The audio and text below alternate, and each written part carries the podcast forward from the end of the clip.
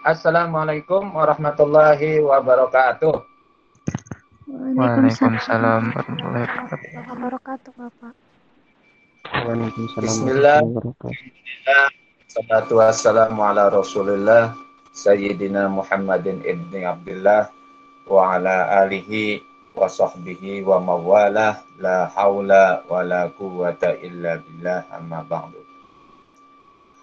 Pertama, mari kita panjatkan puji puja dan puji kita kepada Allah Subhanahu wa taala yang telah banyak memberikan kenikmatan kepada kita semua.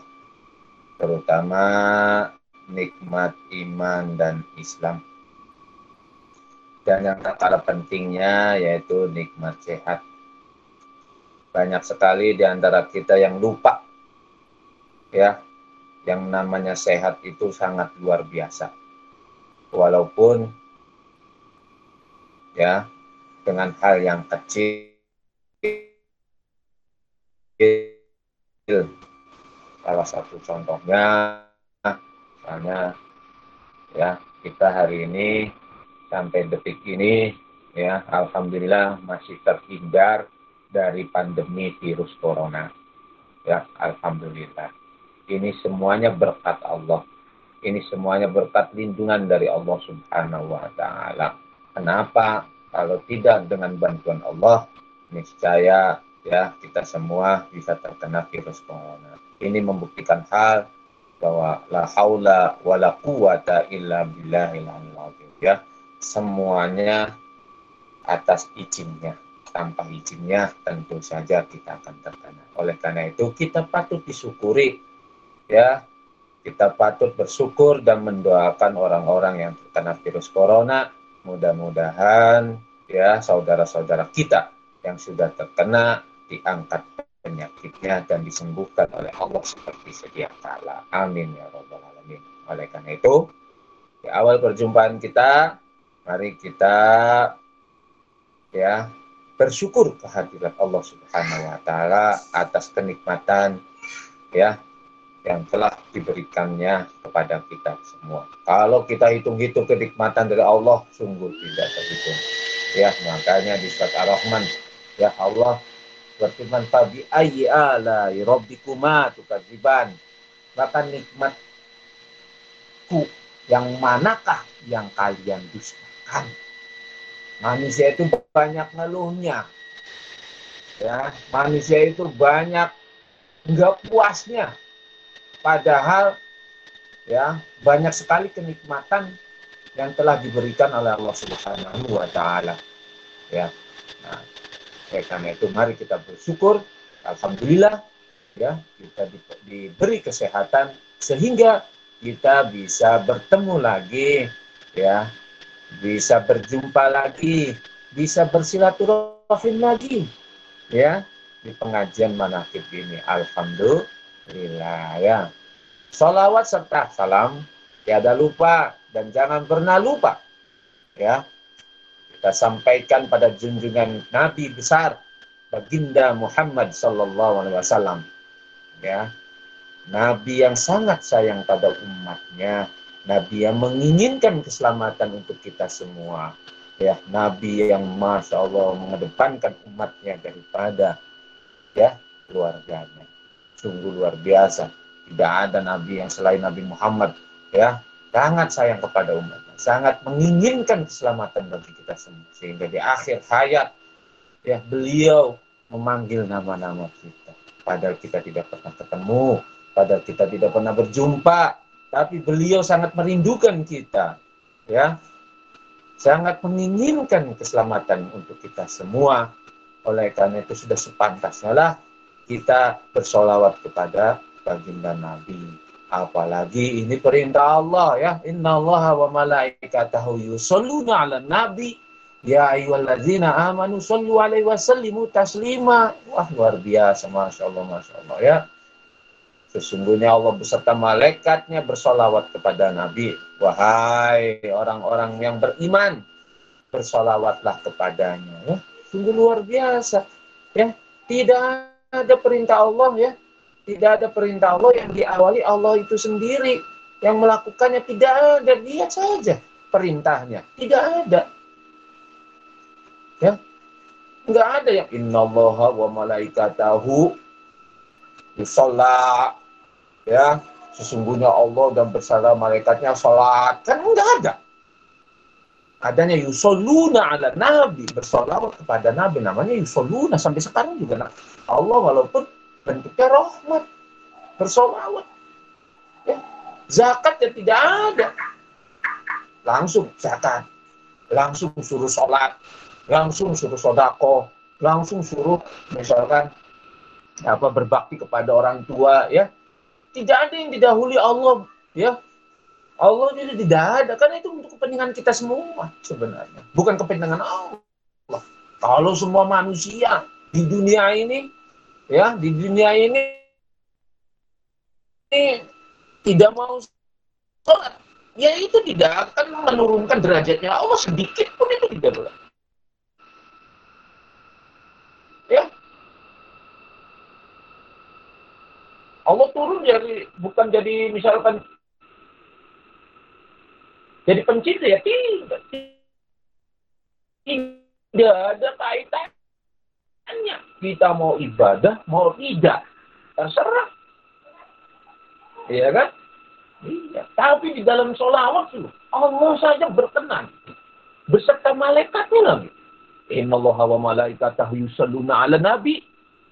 Ya berkenan. Allah yang pangkatnya pencipta. Allah yang pangkatnya Tuhan. Allah yang pangkatnya raja di raja. Ya kan? Berkenan bersolawat kepada Nabi. Alah kita disuruh in, eh, ya ayyuhalladzina amanu sallu ala nabi. Ya ayyuhalladzina amanu sallu alaihi wasallimu taslim. Kita disuruh bersolawat. Allah yang pangkatnya Tuhan saja bersolawat. Masa kita yang pangkatnya makhluk tidak mau bersolawat? Bersyukur ya bersyukur yang tadi bapak ngajak kalian bersyukur ya. Terutama nikmat iman dan Islam. Bersyukur. Bayangkan kalau kalian lahir di di tengah-tengah ya keluarga yang tidak muslim. Bayangin. Atau kita lahir di tengah-tengah suku yang jauh dari ya agama Islam. Bayangin. Mending kalau di perjalanan hidup masuk Islam. Tapi kalau enggak, nah, kita ini dari kecil hidup di keluarga Muslim. Nah ini sudah suka luar biasa. Bersyukurlah, bersyukurlah. Insya Allah nanti yang yang kedua yang solawat. Insya Allah solawat itu luar biasa. Nabi itu luar biasa. Sangat menginginkan keselamatan buat kita. Ya Allah. Makanya satu-satunya Nabi yang kelak bisa memberikan syafaat ya hanya Nabi. 313 rasul itu hanya Nabi Muhammad yang bisa memberi. Jadi hanya Nabi. Oleh karena itu, ya sudah sepantasnya kita kita bersolawat kepada beliau. Kenapa sih Pak harus bersolawat kepada beliau? Nah, ya tadi dalil dalil Qur'annya bahwa Allah memerintahkan kita untuk bersolawat. Ya itu itu dalil ya dari Qur'annya. Sekarang dalil aklinya ya, sekali dalil aklinya. Dalil menurut akal. Kalian nih misalkan ya Misal, Yuki yang mau marah, ya, Yuki yang mau marah. Ya, Omara nggak tahu, Yuki nggak tahu Omara sekarang. Dulu saja ketika waktu sekolah, ya. Lama nggak WA, lama nggak Facebookan, lama nggak Instagraman, ya. Yuki Omara ini lama bertahun-tahun nggak ketemu, ya. Nah, misalkan sampai 10 tahun aja, 10 tahun tidak ketemu, nggak ngasih kabar, nggak ngasih apa, nggak SMS-an, ya. Nanti ketemu di jalan, apakah ya apakah kenal Omar dan Yuki karena 10 tahun? Ya mungkin saja, tapi kan perjalanan waktu itu ya mungkin saja ketika ketemu misalkan di Bekasi lagi nggak tahu itu Omara. Omaranya nggak tahu itu Yuki, padahal itu satu SMA. Ya kan? Ya apalagi sama Firdan yang baru kenal di sini Omara. Ya, Nama Firdan nih, ya nggak tahu, nggak kenal sih. Nggak pernah WA, nggak pernah ketemuan, nggak pernah kontakan, nggak pernah teleponan. Ya nggak bakalan tahu. Ketika ketemu di Bekasi, ya nggak tahu. Padahal papasan, berpapasan nih di jalan tuh, nggak bakalan tahu. Kenapa? Ya nggak WA, nggak SMS, nggak dikasih kabar. Ya kan? Ya begitu pun kita dengan Nabi. Kalau kitanya nggak WA-an, nggak ketemuan, nggak video callan, ya Nabi gimana mau ketemunya? Gimana kenal nama kita? Masyarakat, kamu ngatain Nabi ini saya umatku, ini saya umatku. Kata Nabi ya, kamu siapa ya? Ya ini siapa yang kenal? Orang tiba-tiba ya ngaku-ngaku umatnya kan nggak begitu. Sama dengan Firdan misalkan nama Umar. Firdannya tahu sama Umar. Umar, saya Firdan. Firdan siapa ya? Firdan. Ya ingat-ingat. Ya masa ingatnya. Eh, orang nggak pernah WA, orang nggak pernah silaturahmi, orang nggak pernah video callan. Ya sulit. Begitu pun Nabi. Ya kalau kitanya nggak pernah sholawatan kepada Nabi ya susah. Nabi tahu dengan kitanya. Kan begitu. Amanu sallu alaihi wasallimu taslima. Ah, itu dalil akal. Ini dalil kan. Ya, dalil akalnya kan seperti itu. Makanya Allah itu menyuruh kita itu sholawat. Biar nabinya tahu. Kalau zaman sekarang itu WA-an. Kalau zaman sekarang itu Instagraman, Facebookan, Telegraman. Ya, Solawat. Kenapa? Allah itu menciptakan satu malaikat khusus. Khusus untuk ya khusus untuk ya mengantarkan solawat dari kita kepada Nabi. Kalau kita baca solawat, langsung diantarkan kepada Nabi. Nabi, ini solawat dari Firdan. Ya, Oh, Firdan ya, iya, iya, iya, iya. Kan begitu nabinya. Salam kembali untuknya. Kan begitu. Nah, itu kan WA. Kira-kira kalau sehari WA-an terus Nabi, nama Nabi. WA-an dengan Nabi. Dengan cara salawat. Seratus kali, seratus kali, seratus kali, seratus kali, seratus kali. Setiap hari. Selama hidup. Misalkan kalian hidup 70 tahun. Balik 15 tahun. Nah, berarti kan dicatat oleh malaikat sendiri 55 tahun. Benar ya? 55 tahun setiap hari baca sholawat 100. Setiap hari. Kira-kira Nabi tahu kenal kita enggak? Kenal, insya Allah. Ya, kenal dengan kita. Nah itu semua makanya Allah itu ya menyuruh kita bersolawat. Insya Allah kenal, paham Oh, ini Omar. Ya. Oh, iya iya iya. Begitu. Oh, ini Yuki. Oh, iya iya iya. Setiap hari ya. Jadi insya Allah Nabi itu akan kenal kita. WA-an dengan kita. Ya. Nabi kirim balik nggak salam. Kirim balik. Ya kirim balik. Dan malaikat yang tadi mengantarkan sholawat balik lagi kepada kita. Menyampaikan salamnya Nabi untuk kita.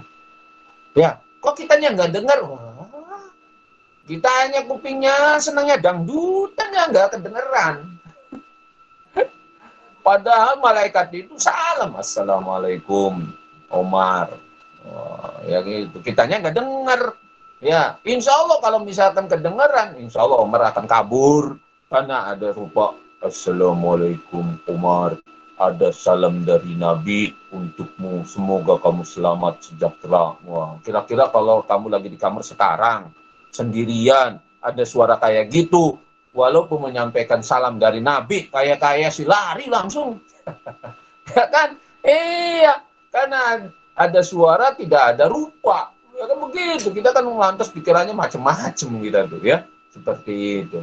Nah, disangkanya kalau yang berkata seperti itu tuh hanya setan sama jin saja ya. Pada malaikat ya bisa. Cuma yang kita kan tidak bisa membedakan itu malaikat itu setan itu jin ya kan?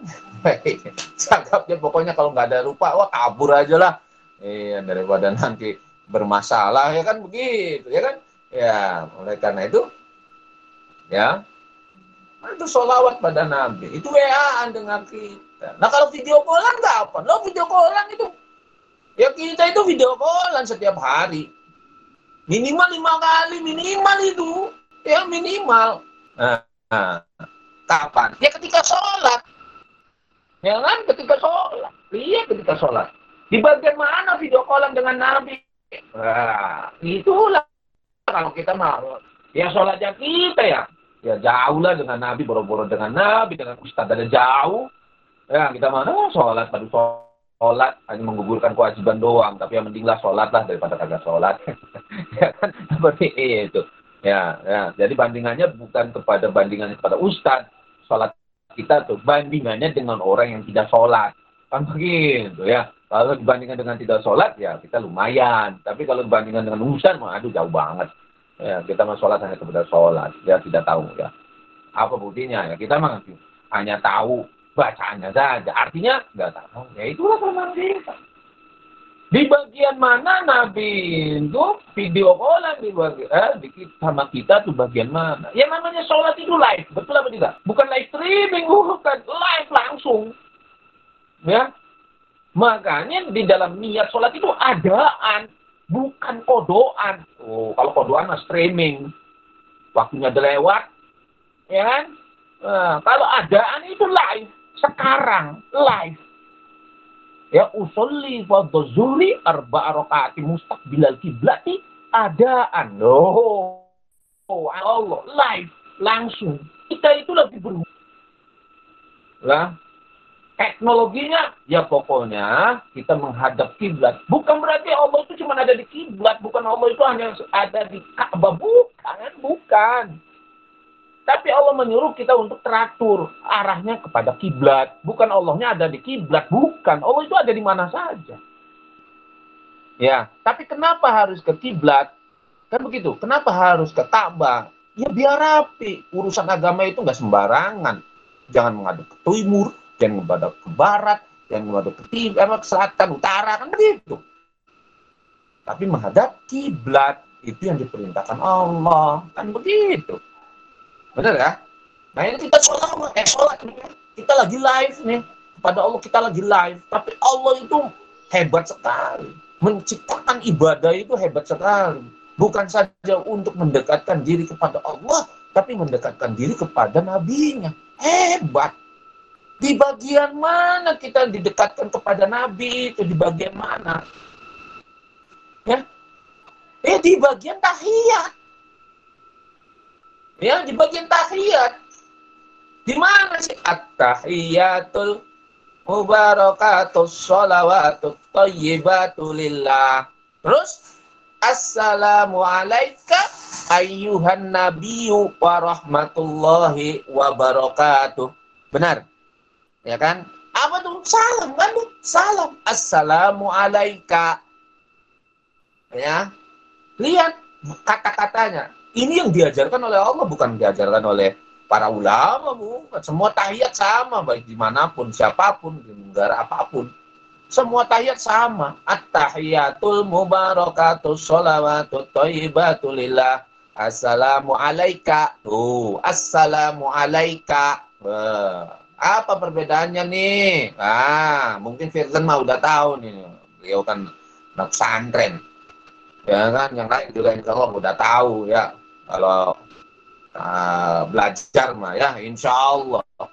Ya, ketika Bapak pertama kali membuka pengajian ini, bilangnya apa? Assalamualaikum. Wah, Assalamualaikum warahmatullahi wabarakatuh. Betul.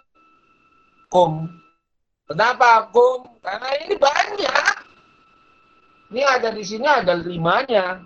Kum. Makanya. Assalamualaikum.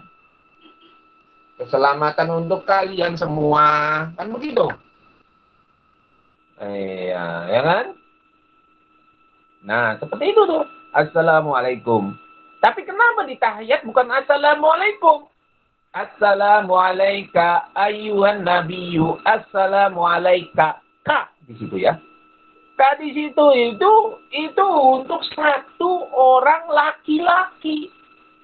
Jadi misalkan Bapak ketemu Omar nih, misal nih, Bapak ketemu Omar di jalan.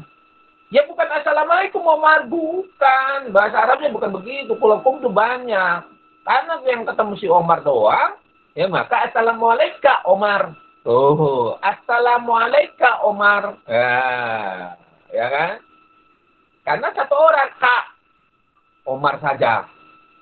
Ya, satu orang laki laki Assalamualaikum Omar. Eh. Tapi kalau Yuki, Bapak ketemu Yuki nih sendirian, apa ketemu Linggar sendirian, Linggar nih, ya. Oh, Ki pakainya. Kalau Ki itu perempuan, satu orang perempuan. Assalamualaikum Inggar. Ya, karena satu perempuan, Inggar doang. Ya, nah, makanya di tahiyat itu Assalamualaikum. Kalau K itu orangnya di depan ketemu. Ya, lah bedanya apa? Nah, perhatikan bahasanya. Assalamualaikum. Ayuhan Nabi kepada siapa? Kepada Nabi. Nabi kita, Nabi Muhammad. Ya, itu. Nah, harusnya apa? Kalau Nabi Muhammad itu adanya di mana sih? Di Madinah. Kalau di Madinah itu apa? Negara Arab Saudi 10 jam dari Indonesia. Dari Cengkareng tuh kalau pakai pesawat 10 jam sampai Madinah jauh pakai pesawat. Ya, nah kalau nabinya di Madinah, kitanya ada di Indonesia, ya itu bukan assalamualaikum, tapi kata ganti ketiga assalamu alaihi salam untuknya. Siapa? Nabi di Madinah. Assalamu alaihi. Oh. Ya, assalamu alaihi nabinya ada di Madinah. Harusnya seperti itu. Harusnya. Ya kan? Iya, harusnya. Tapi Allah mengajarkan kepada kita semua ketika tahiyat. Assalamu alaika ayuhan nabiyyu wa rahmatullahi wa barakatuh. Nah, salam untukmu ya Rasul. Wahai Nabi, Nah, nabinya ada di mana? Ada di depan kita. Kok kita nggak tahu? Ya matanya kita maksiat mulu. Jadi nggak kelihatan. Nabi itu ada di depan kita. Menjawab salamnya kita. Makanya kalau para wali, para nabi, para kiai, para ustadz, Berhenti dulu. Assalamualaikum ayuhan nabi wa rahmatullahi wa barakatuh. Nabi itu balik salam. Waalaikumsalam wa rahmatullahi wa barakatuh. Jawab. Nabinya melihat kita. Itu kita lagi video callan. Gimana caranya video callan? Ya. Lah, teknologi manusia aja ini bisa nih Bapak dengan kamu nih. Oke, Omar, Linggar. Ya kan? Firdan. Ya kan? Tapi misalnya satunya, oh banyak juga ya. Rizwan Tias, iya kan? Iya. Nah, ini bisa pola. Ini teknologi manusia. Ya, apalagi teknologinya Allah. Wah, gampang. Ya, bumi aja nggak ada talinya. Langit nggak ada tabrakannya. Mana hebat teknologi Allah mah. Kalau seperti itu mah kecil bagi Allah mah. Begitu sekun fayakun beres. Ya manusia aja bisa apalagi Allah jauh. Makanya Allah itu ketika kita sholat kita live. Kita video video callan dengan Nabi setiap lima kali. Minimal minimal kira-kira menurut kalian ya Nabi video callan lima kali dalam sehari. Minimal ini. Misalkan orang itu hanya sholat hardunya aja. Setiap hari melakukan sholat selama 55 tahun. Kira-kira Nabi kenal kita apa enggak? Yang kenal insya Allah. Kita nggak perlu mengenalin diri nanti di badan masyar. Makanya di Quran kan jelas. Ya, Nabi akan melihat tanda sujud dia pada kita. Tanda sujud itu awas ya, bukan jidatnya hitam nih, bukan. Nggak ada ulama yang mengatakan jidat hitam ini sebagai tanda sujud, tidak ada. Itu mah masalah sajadah baik itu mah. Tanda sujud adalah tanda cahaya. Kelak di pada masa nanti. Cahaya itu bers cahaya itu akan keluar dari kepala kita. Kelihatan orang yang akan kelihatan orang yang bekas sujud itu kelihatan. Nabi nggak perlu mena, Nabi nggak perlu nyari-nyari. Oh itu yang kepalanya bercahaya itu tuh adalah umat. Oh sini sini sini uki sini uki. Sini Umar sini Umar. Tias tias sini tias. Begitu. Firdan Firdan Firdan. Ya, ya karena seperti itu. Tanda sujud. Ya, tanda sujud itu kan luar biasa. Kita itu di dunia ini nanti nanti kelak.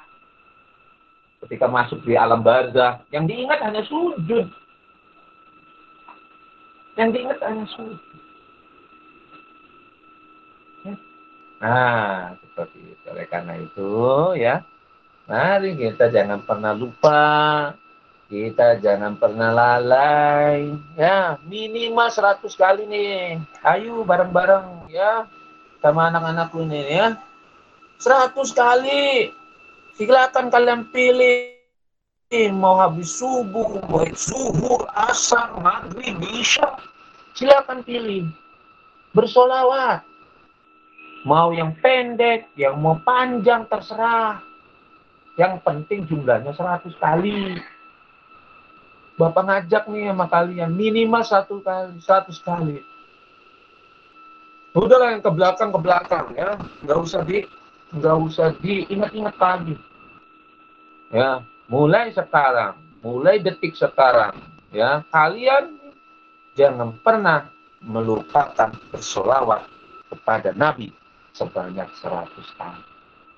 Allahumma sholli wa sallim ala sayyidina Muhammad. Allahumma sholli wa sallim ala sayyidina Muhammad. Allahumma sholli wa sallim ala sayyidina Muhammad. Silakan.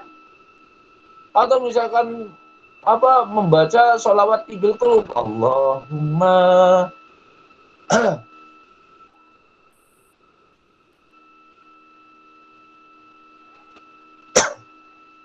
ya sholawat tibil kulub atau sholawat syifa ya ada yang tahu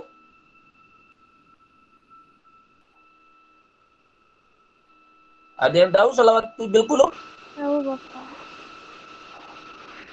Allah Allahumma salli ala sayyidina Muhammadin tibbil qulubi wa dawaiha wa afiyatin abadani wa shifaiha wa nuril absari wa diyaiha وعلى آله وصحبه وسلم tuh salawat tibil kudu silakan baca ya minimal tiga kali salawat tibil kudu kapan bagusnya habis subuh ya Mas, masa pandemi ini kita ikhtiar di samping kita pakai 3M ya kita juga harus ikhtiar doa.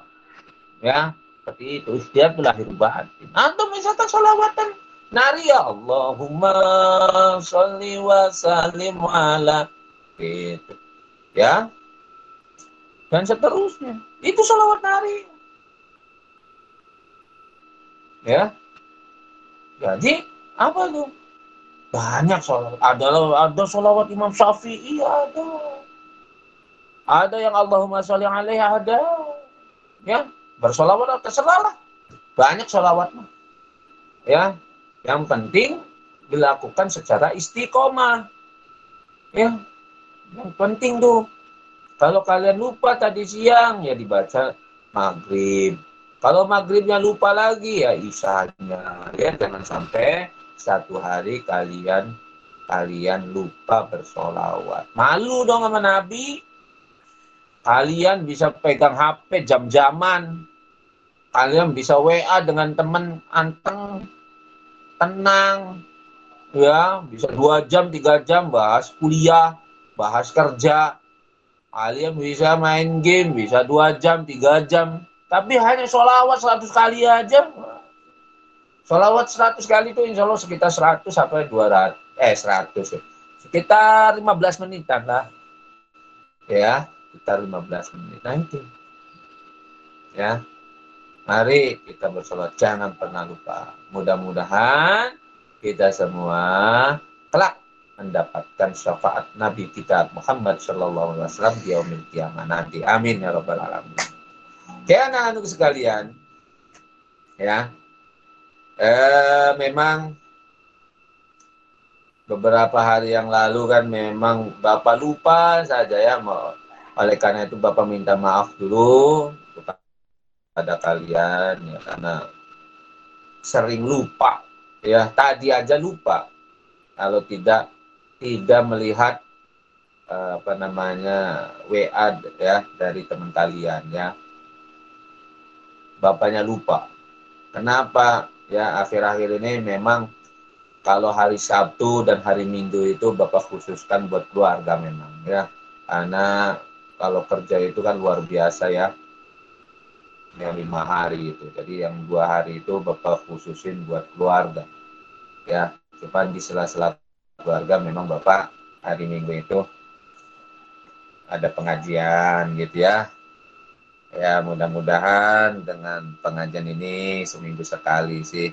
Bukan buat kalian saja.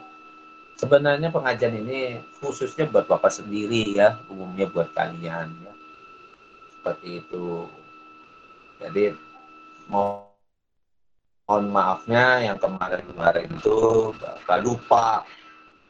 Ya, kadang yang kemarin udah diingetin sama teman kalian itu. Ya, Linggar itu sudah ngingetin sama Bapak, eh Bapak bukannya malam. Jam 8. Aduh, ya. Jadi mohon maafnya Bapak kemarin tuh nggak bisa ya nggak bisa apa namanya nggak bisa mengadakan pengajian. Tapi alhamdulillah ya, ya alhamdulillah ya. Alhamdulillah eh, kita bisa kumpul kembali. Ini atas izinnya. La haula wala quwata illa billah ya. Ini atas izinnya Allah. Kalau enggak atas izinnya mah kita tidak akan bertemu. Ya. Alhamdulillah ya. Nah, anak-anakku sekalian. Ya. Kita hidup di dunia ini pasti ada masalah. Ya, masalah itu ya, masalah itu dimulai dari semenjak kita lahir. Ya. Semenjak kita lahir sampai nanti di di ya setelah kita mati juga nanti masalah itu ada. Setelah kita mati, apakah masalah itu selesai? Tidak. Dilanjutkan anak-anak Ya. Jadi semenjak kita lahir, ya semenjak kita lahir masalah itu selalu ada. Selalu ada. Ya. Selalu ada. Kok lahir kok ada masalah? Ya ada. Cuman yang merasakan itu hanya hanya orang tua kita. Kitanya kan nggak sadar. Ya, kita itu ada di dalam alam rahim.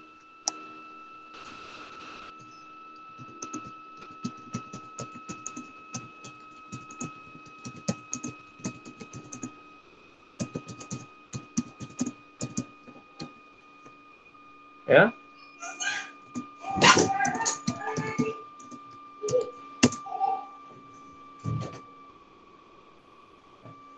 Kita semenjak lahir itu Dikiranya tidak ada masalah. Ada masalah. Ibu kita itu, ya, ibu kita itu, ya, berjuang hidup dan mati. Masalah itu. Seorang bapak kalian itu mondar mandir, berdoa mudah-mudahan diselamatkan istri dan anak sudah masalah. Apakah ketika sudah keluar tidak masalah? Masalah lagi. Hari-harinya diputus, diikat. Ya, masalah lagi. Sakit, cuman kitanya kan nggak ingat. Kita belajar napas yang tadinya nggak napas di dalam rahim. Benar kan? Nah, masalah. Masih kecil masalah. Belajar baca. Belajar bicara. belajar pup sendiri, belajar pipi sendiri. Selesai tidak. Belajar sekolah, SD, SMP, SMA, kuliah. Masalah.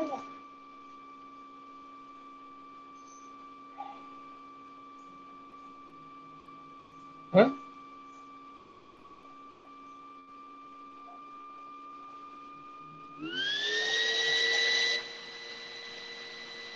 Nah, sampai sekarang. Nah, permasalahannya gimana anak-anak? Nah, kita menghadapi dari masalah tersebut.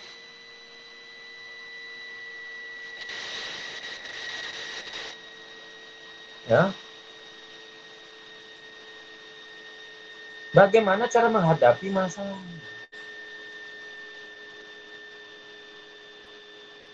Ya, contoh nih, contoh, contoh ujiannya sama, tapi cara menghadapi orang itu berbeda. Ya, misal, ya misal,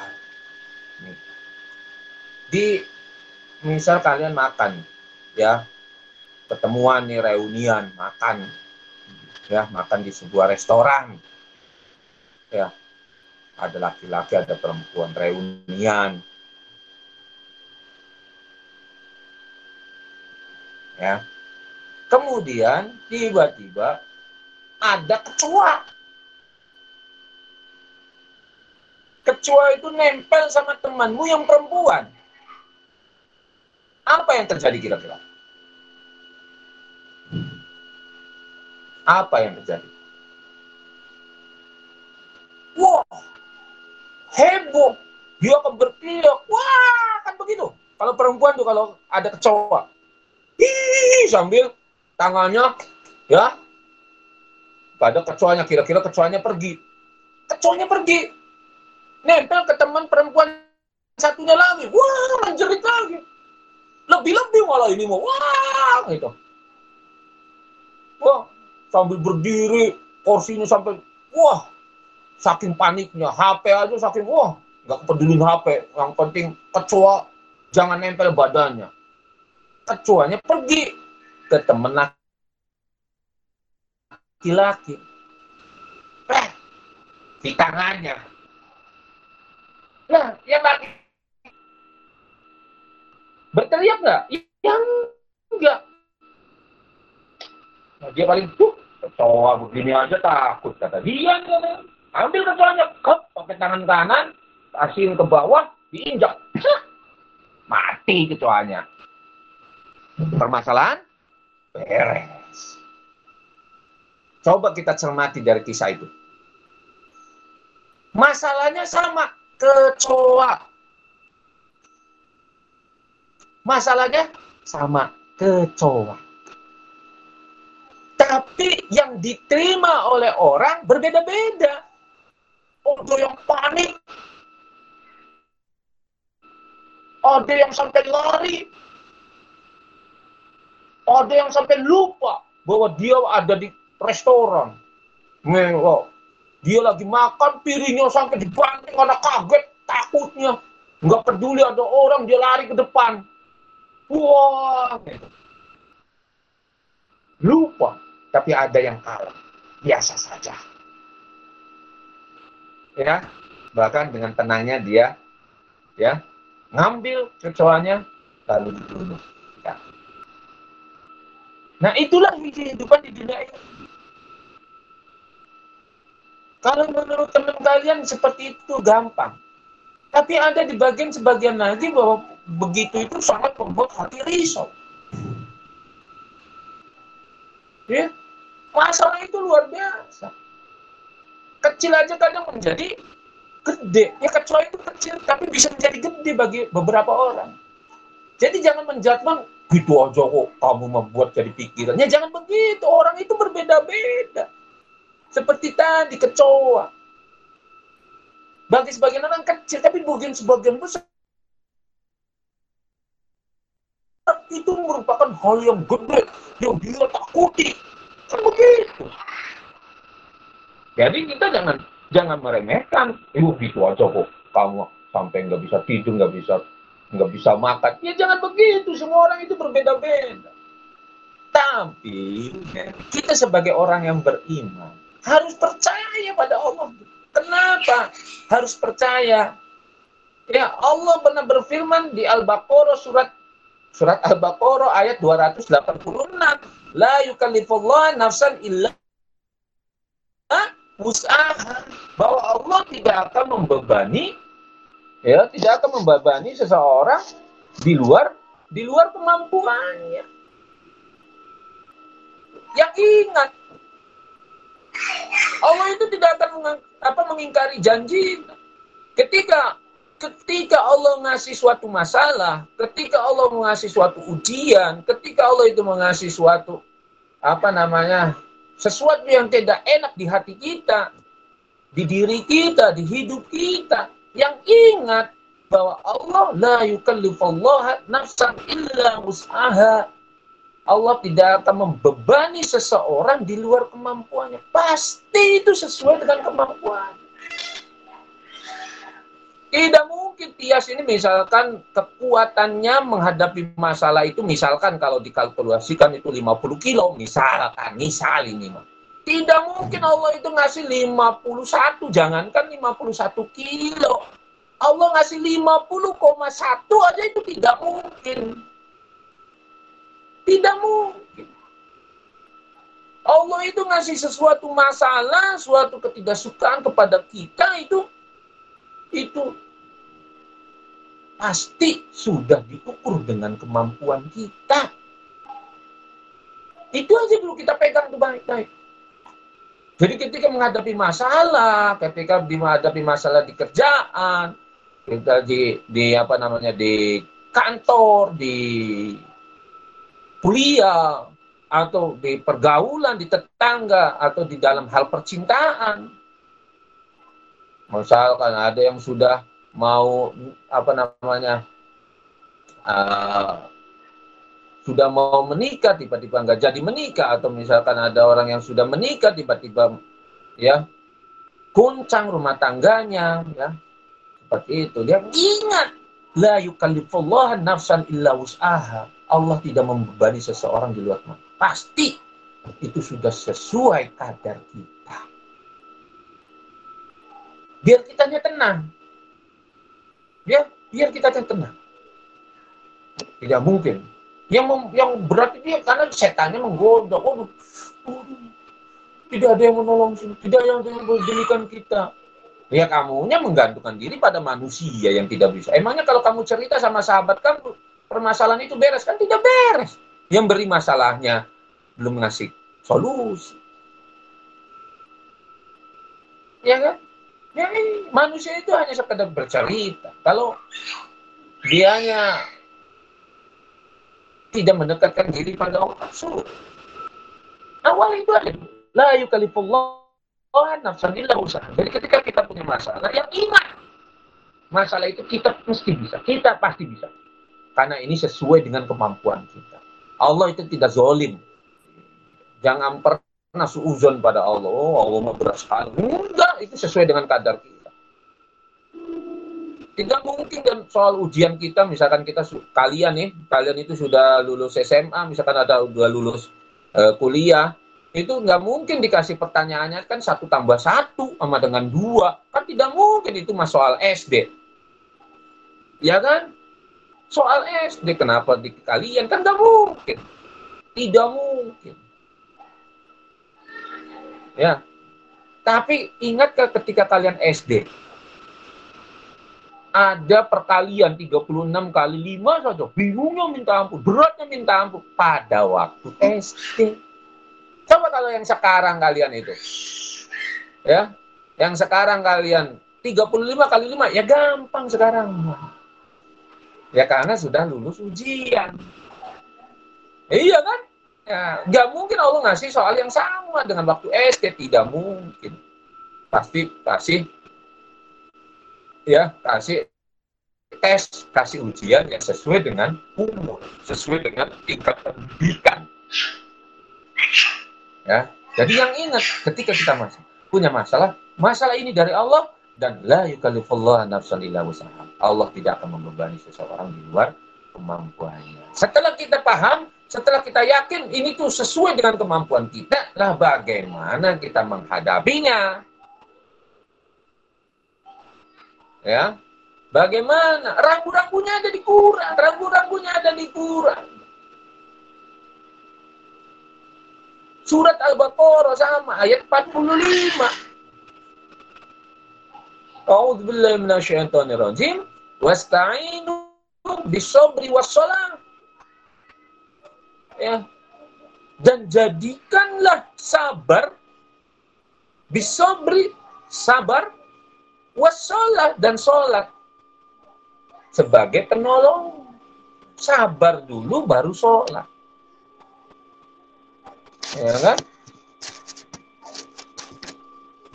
Ada Wasta'inu bisabri dan wassalat. Dan jadikanlah sabar dan sholat sebagai penolong. Jadi ketika punya masalah, yang pertama itu sabar. Sabar. Kalau orang nggak sabar, nggak sholat, sulit. Sholat itu sulit. Dicangkanya nggak sulit sholat itu. Kalau kita ditakdirkan sekarang itu bisa sholat lima waktu, bersyukurlah. Makanya setiap sujud berterima kasihlah, tapi jangan diucapin di dalam hati saja. Ya Allah, terima kasih ya Allah, engkau izinkan saya sujud. Berapa banyak, berapa juta orang yang tidak, tidak diizinkan oleh Allah untuk sujud. Tapi kamu diizinkan sama Allah untuk sujud. Sampai tadi kamu sholat asar bersyukurlah. Kamu bisa sujud dahi kita ini nempel kepada tanah itu. Diizinkan sama Allah. Kalau tidak diizinkan, gampang saja. Berapa banyak orang yang setruk. Yang sholat itu nggak bisa sampai ke tanah. Berapa orang? Itu yang lagi sholat tapi keadaan setruk. Tapi berapa orang yang nggak dapat hidayah? Berapa orang teman kami yang nggak sholat? Berapa orang saudara-saudara kita yang mengaku muslim tapi tidak sholat? Itu yang so, yang muslim. Apalagi yang tidak muslim. Makanya bersyukurlah. Sholat itu berat. Berat. Makanya kan diterangkan di dalam Al-Quran ini. Al-Baqarah ayat 45 ini. Wa innaha lakabiratun illa 'alal khosyin. Dan sesungguhnya yang demikian itu amat berat kecuali bagi orang-orang yang khusyuk. Nah, itu kan Berat. Anak-anak.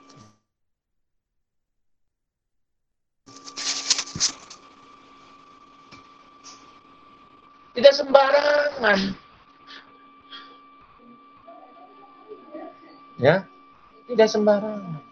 Makanya sabar dulu. Ketika kita sudah sabar, kita yakin, ya, kita yakin ini dari Allah, maka baru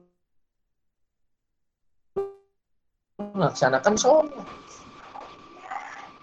Ya kan? Seperti itu. Nah, bagi sebagian pendapat lain, ya, yang namanya sobar di sini, maksud ayat di sini, ya, itu adalah puasa.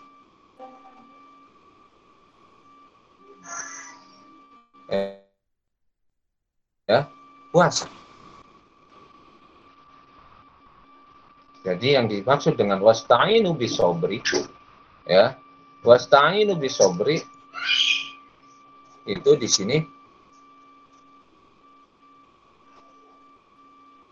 ya di sini adalah apa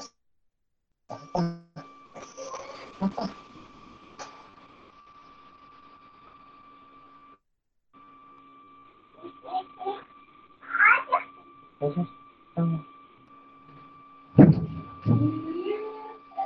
maaf ya, ada iklan benar. ya. Bahkan di dalam dijelaskan di dalam tafsir Mafati Al-Ghaib asobru di sini adalah asaw puasa. Karena orang yang berpuasa itu bisa sabar dari makanan dan minuman, menahan diri. Kayak namanya masalah itu kan luar biasa puyengnya. Ya, bikin hati ini panas, bikin hati ini gundah, bikin hati ini enggak tenang, bikin hati ini wah udah ke kanan karuan. Wah kan ada bisikan-bisikan tertentu. Ya, kerasanya seperti itu. Sudah dikasih solusi sama Allah itu. Wasta'inu bisobri wassalah. Ya mintalah pertolongan kalian dengan melakukan sabar dan sholat. Kan seperti itu. Sabar. Ya berpuasa. Bagi kalian yang sedang kena misalkan misalkan kena sekarang dikasih ujian sama Allah apa ini teguran ya apa ini azab ya. Kita tidak tahu ya. Kalau azab itu kan untuk orang-orang yang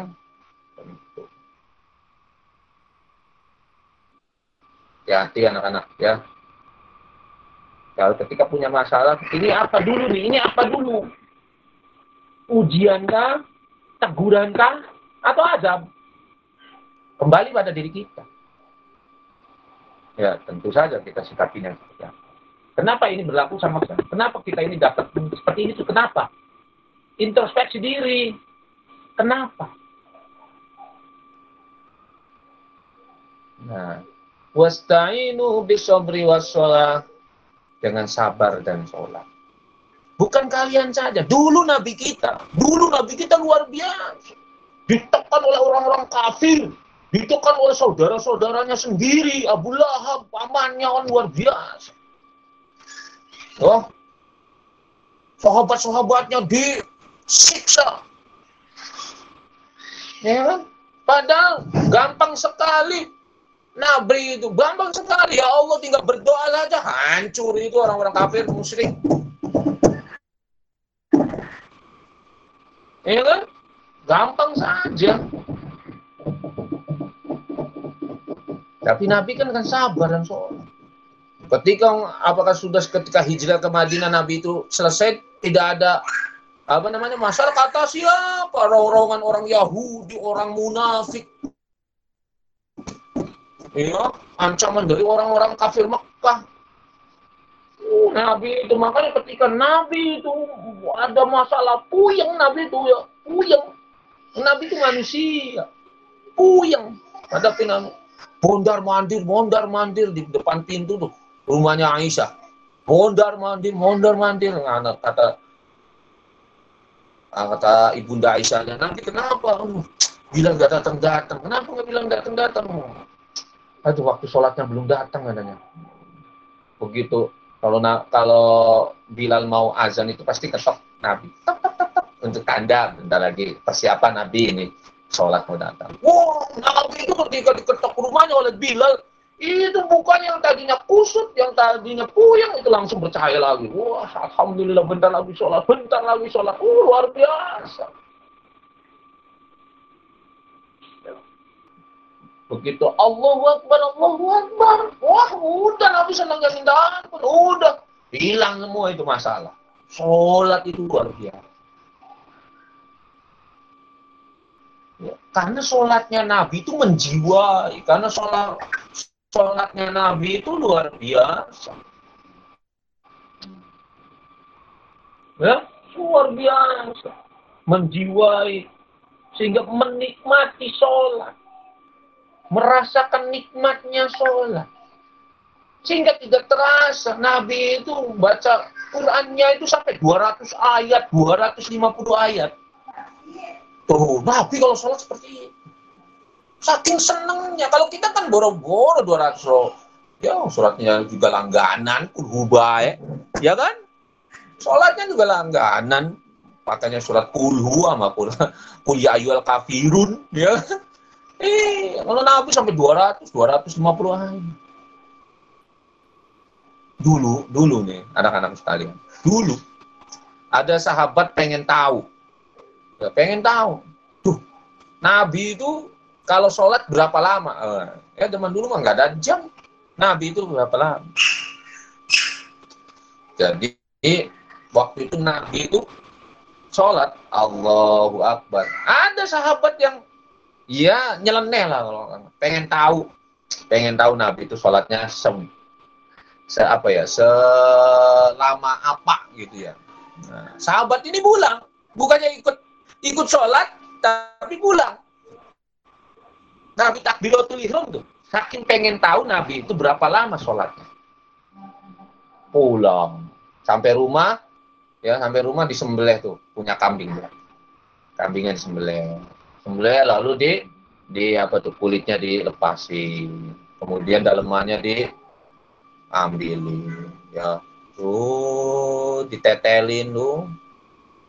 Di daging kambing ini Kemudian setelah selesai dicuci, kemudian dipotong-potong kecil, kemudian dimasak. Setelah masak sudah selesai, dia kembali lagi. Kira-kira berapa lama ya ukurannya? Nah, sahabat itu ketika balik lagi ke masjid, Nabi belum selesai satu rokaat pun masih berdiri. Tuh, berapa lama sok? ya kan? Kalau kalian di di waktu Idul Adha kemarin, kalau ada yang ada yang motong kambing, kambingnya ditetelin, disayat-sayatin, dijadiin kecil, dimasak. itu berapa lama tuh? Nah, Nabi itu satu rakaat pun belum selesai. Saking apanya, saking luar biasanya hati ini udah sampai sono. Luar biasa nabinya sholatnya hebat, ya makmumnya sahabatnya sholatnya hebat. Jadi nggak terasa. Mas lo nikmat. Begitu salam, waduh nikmat sekali. Tenang jiwanya, hilang kegalauannya, hilang masalahnya. Begitu hebatnya Nabi itu begitu Jadi bila kalian menghadapi masalah, ayo. Yang pertama, ingatlah bahwa ini semuanya dari Allah. Inna lillahi wa inna ilaihi rajiun. Semuanya asalnya dari Allah dan semua akan kembali kepada Allah. Siapa yang ngasih kamu masalah? Allah. Siapa yang bisa mencabut masalah itu? Allah. Ya. Semuanya dari Allah dan akan kembali kepada Allah. Solusinya sudah ada. Wasta'inu bisobri wassalah. Ya, mintalah pertolongan kepada Allah dengan sabar dan sholat. Yang sabar. Yang sabar. Dia pengennya sih, jangankan kamu, Bapak juga kalau punya masalah pengen gagian gue. Apa ya gagian juga? Pengen cepet. Pengen cepet selesai. Waduh, keluarkan dari ini. Allah, pengennya sih cepet labim. Begitu ya. Pengennya. Iya kan? Pengennya tuh uh, cepat selesai lah untuk kira-kira masalah ini udah selesai, selesai semua dalam hal sekejap. Wah, kalian lupa sejarah-sejarah Nabi. Bagaimana Nabi Musa? Apakah Nabi Musa akan tahu akan melewati apa namanya? Laut Merah? Tidak kan? Nabi Musa itu tidak tahu akan ditolong Allah itu lewat Laut Merah itu tidak tahu ya melawan eh, Fir'aun. Lari Nabi Musa itu. Iya. Berdoa mau berdoa Nabi Musa. Tapi kok nggak ditolong-tolong sama Allah. Bukan nggak ditolong. Bukan. Tapi belum saatnya. Sampai di pinggir pantai. Ya. Sampai umatnya Nabi Musa itu, wah mati ini, mati ini, mati. Udah. Fir'aun udah ada di belakang, maju laut, belakang Fir'aun. Tapi di detik-detik terakhir, eh Musa, ada di Quran. Lempar tuh tongkatmu. Wah, begitu, hantam nih, kalau ada jedur. Laut membelah. Apakah Nabi Musa tahu sebelumnya? Tidak tahu. Pertolongan Allah itu ada di detik-detik terakhir. Nabi Ibrahim Raja Namrud. Apakah Nabi Ibrahim tahu api itu akan menjadi dingin? Tidak. Begitu dilempar, detik-detik terakhir mau menyentuh api, Allah bilang, hei api, dinginlah kamu. Oh, begitu. Untuk dingin apinya.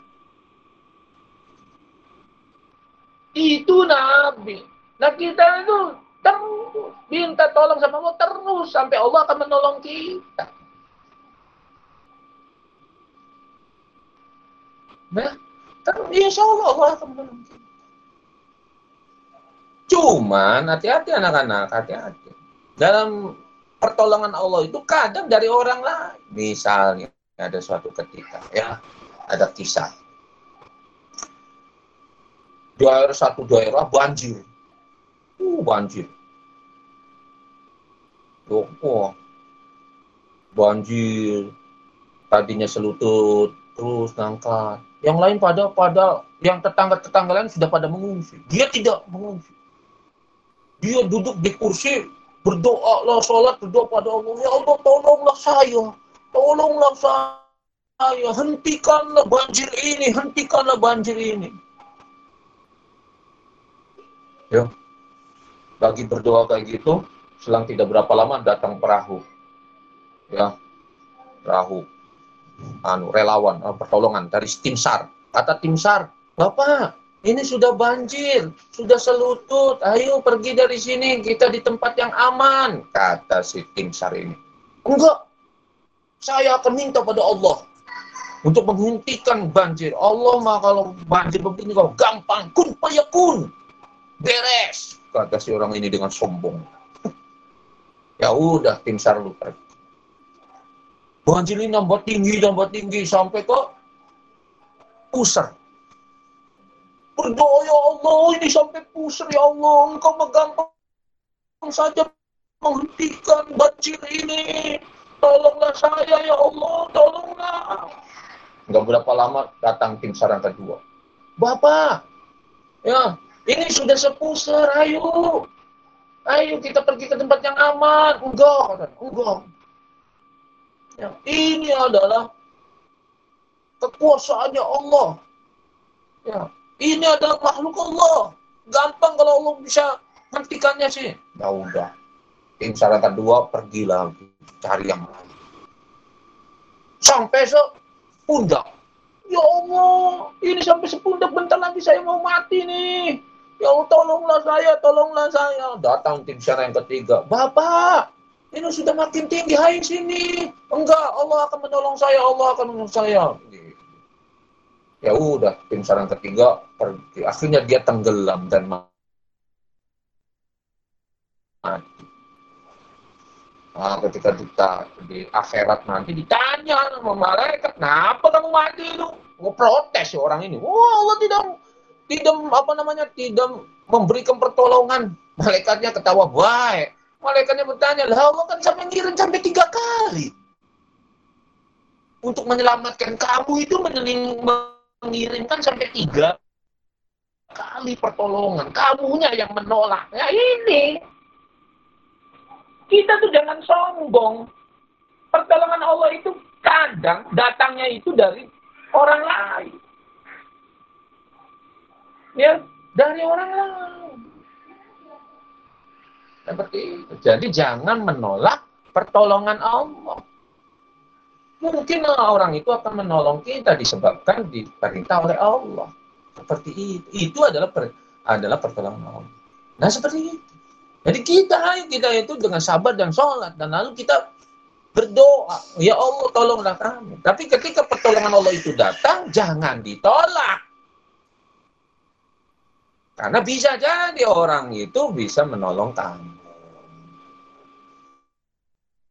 Itu adalah bentuk pertolongan Allah sama, tapi lewat manusia. Kan seperti ini. Jadi yang lain, hayu. Hayu. Ya, karena hidup di dunia ini penuh dengan masalah. Masalah ini selesai ketika kita sudah sampai surga. Ya, kalau sudah sampai sudah selesai masalah udah nggak ada masalah.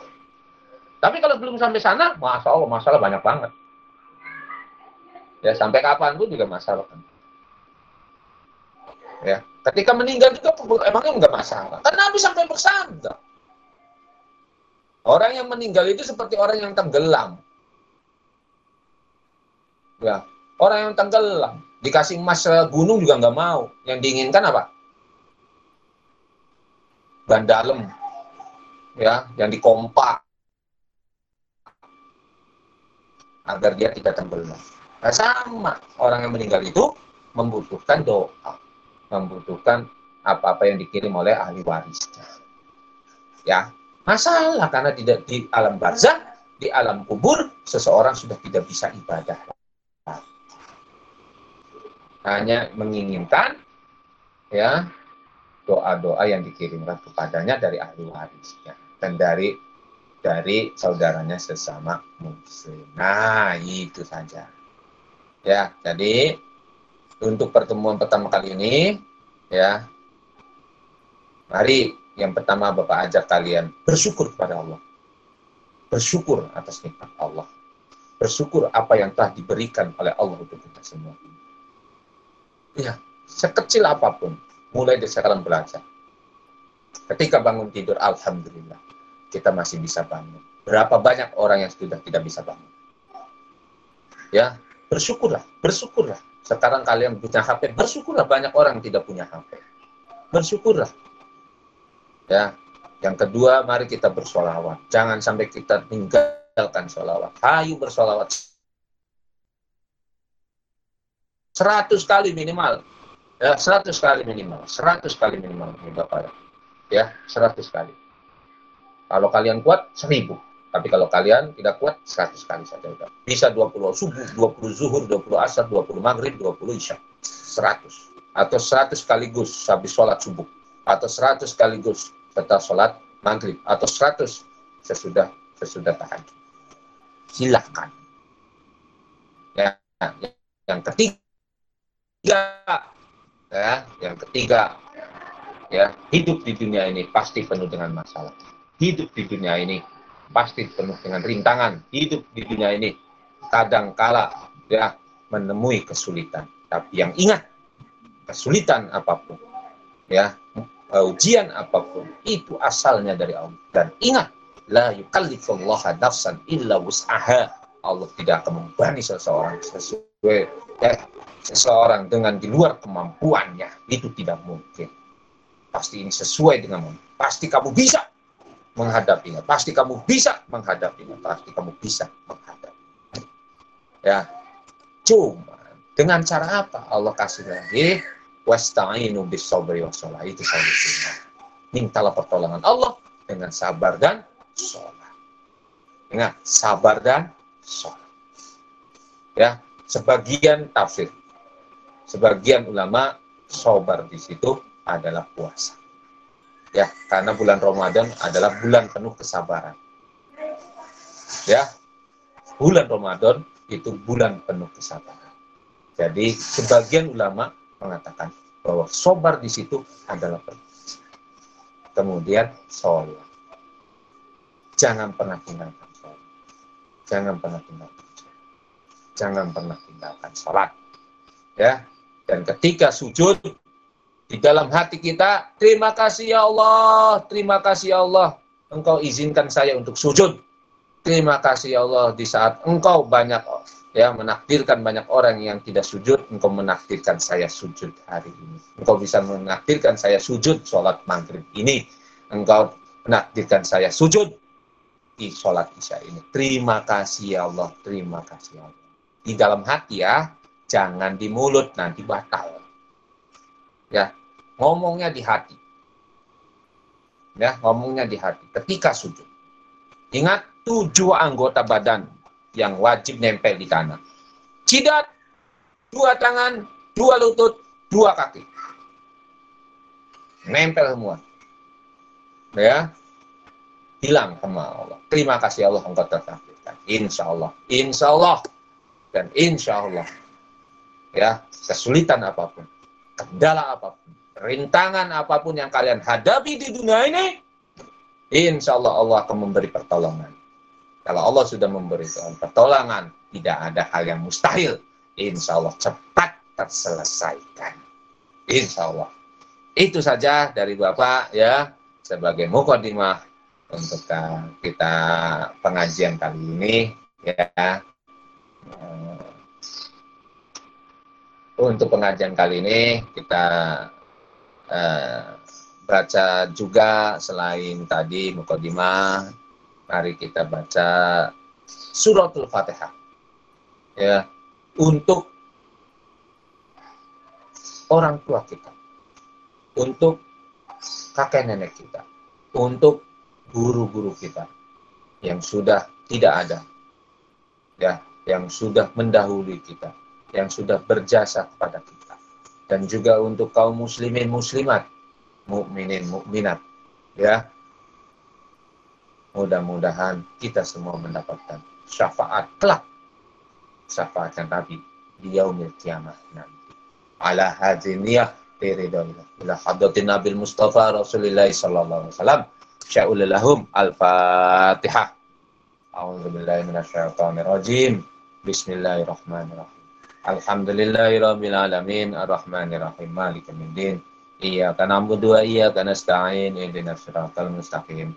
Siratal ladzina an'amta 'alaihim ghairil maghdubi 'alaihim waladdallin. Ya? Cukup sekian dari Bapak, ya. Oke, barangkali sekarang ada yang bertanya, uh, ada yang bertanya sebentar, ya. Pesan dalam panggilan abdi dan yang mana ya? Ah, ini ya.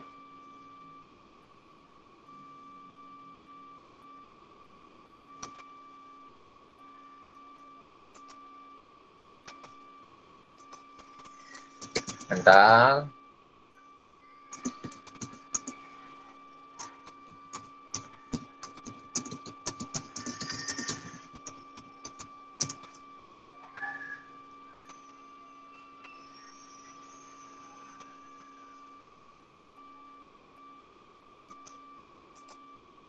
Ya, Bapak Yuki izin bertanya, oke? Okay? Apakah ketika kita melakukan kesalahan, kemudian menyadari dan memperbaiki. Namun di sisi lain masih ada kesalahan lain yang berbeda yang juga kita lakukan dan berusaha mempengaruhi tujuan kita lagi Allah ngambil lagi Bapak. Lantas bagaimana Bapak agar kita tidak tersingkat dan berusaha atas apa yang Allah hendaki? Bagaimana bentuk ikhtiar agar hati lapang Bapak? Aduh, ya. Oke.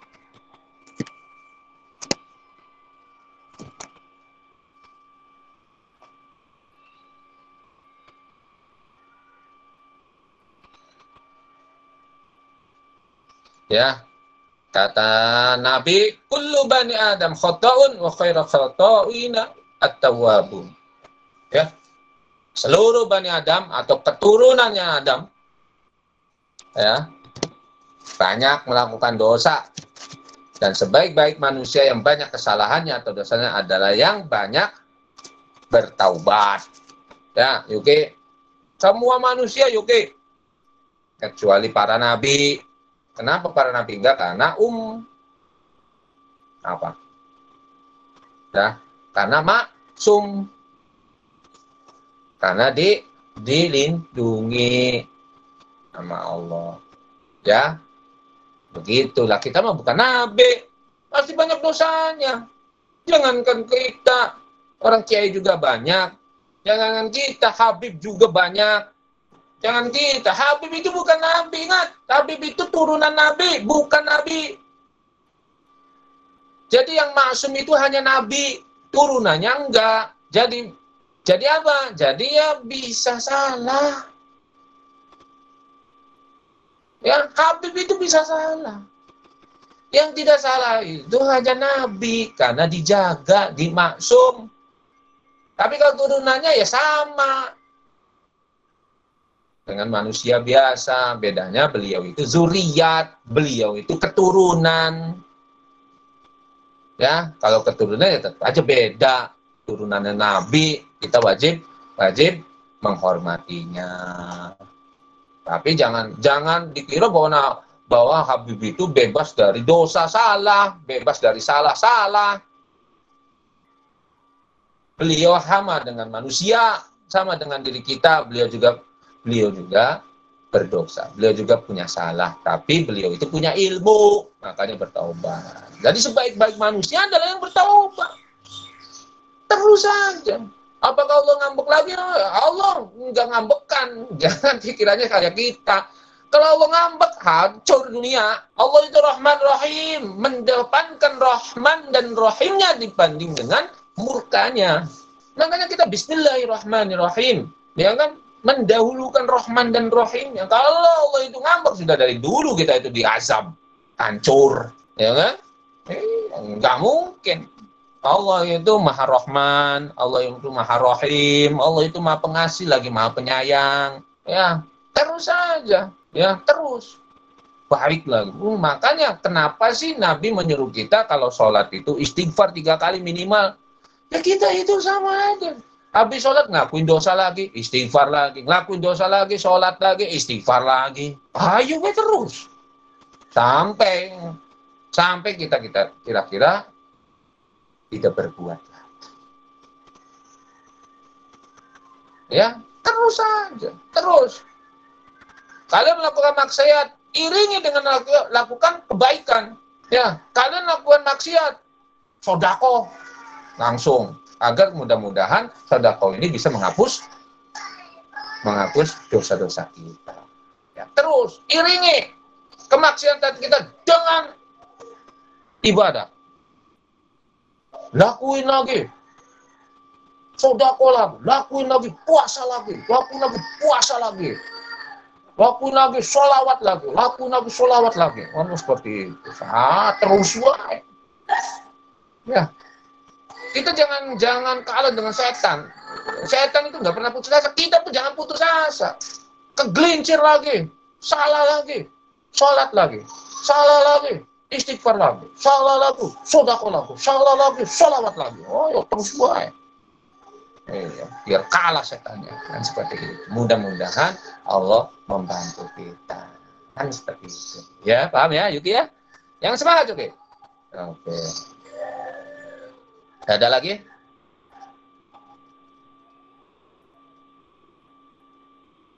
Ya, oke ya. Terus tenang saja, insya Allah teman-teman sudah maafin semua. Ya, di sini tidak ada yang tidak maafin. Ayo, semua juga maafin semua harus berusaha, semua harus ikhtiar, semua harus semangat. Ya, jangan sampai kalau kesalahan itu jangan sampai kita terpuruk nangis bae daripada nangis bae mendingan ngaji, daripada nangis bae mendingan baca Quran, kan begitu. Awas. Ya, daripada nangis bae nggak ada apa-apanya. Kalau kamu nangis bukan karena Allah, nangis itu tidak akan berpahala. Ngapain? Sia-sia. Nangis itu hanya untuk Allah. Ya, nangislah hanya untuk Allah. Kalau nangis cuma karena masalah dunia apalagi, ya nggak ada apa-apa. Ya, jadi kita jangan jangan terpengaruh, jangan. Ayo semangat. Ya, jangan kalah dengan setan. Lawan setan. A'udzu bikalimatillahi tammati kulli min syarri ma khalaq. Ayo lawan terus setannya, lawan terus. Ayo, kegelincir lagi. Bangkit lagi jalan lagi, kegelincir lagi, bangkit lagi, jalan lagi, istighfar lagi, istighfar lagi, istighfar lagi. Insya Allah, insya Allah. Masa Allah tidak akan menolong kita, kan begitu. Insya Allah Allah akan menolong kalian. Inna Allah ma'ana. Sesungguhnya Allah beserta kita. Ingat, Inna Allah ma'ana. Insya Allah.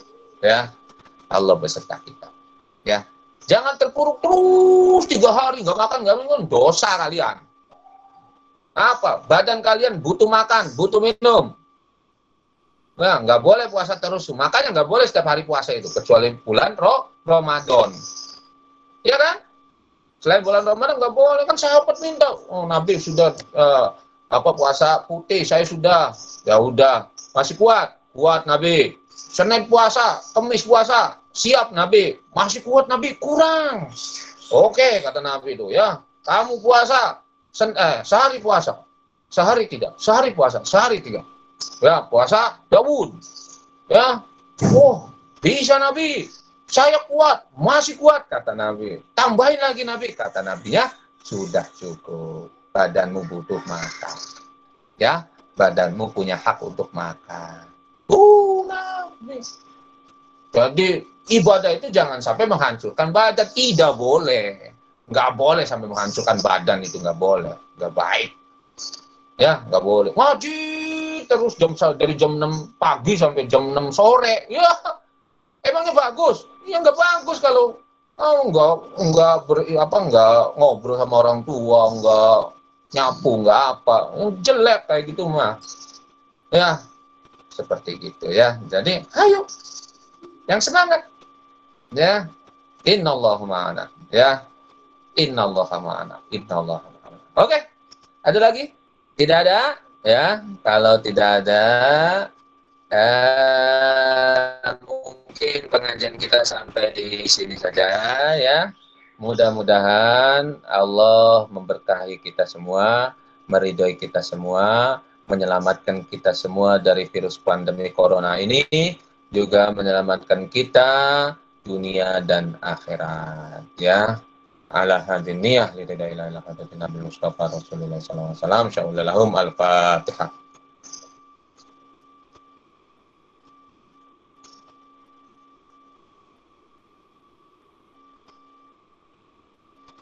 Wallahu a'lam bishawab. Billahi taufiq wal hidayah. Wassalamualaikum warahmatullahi wabarakatuh. Terima kasih. Assalamualaikum warahmatullahi Terima kasih Bapak. Hanya untuk tiga, untuk untuk Omar, ya. terima kasih semua dan untuk yang kita beberapa sebutkan satu persatu. Terima kasih semuanya.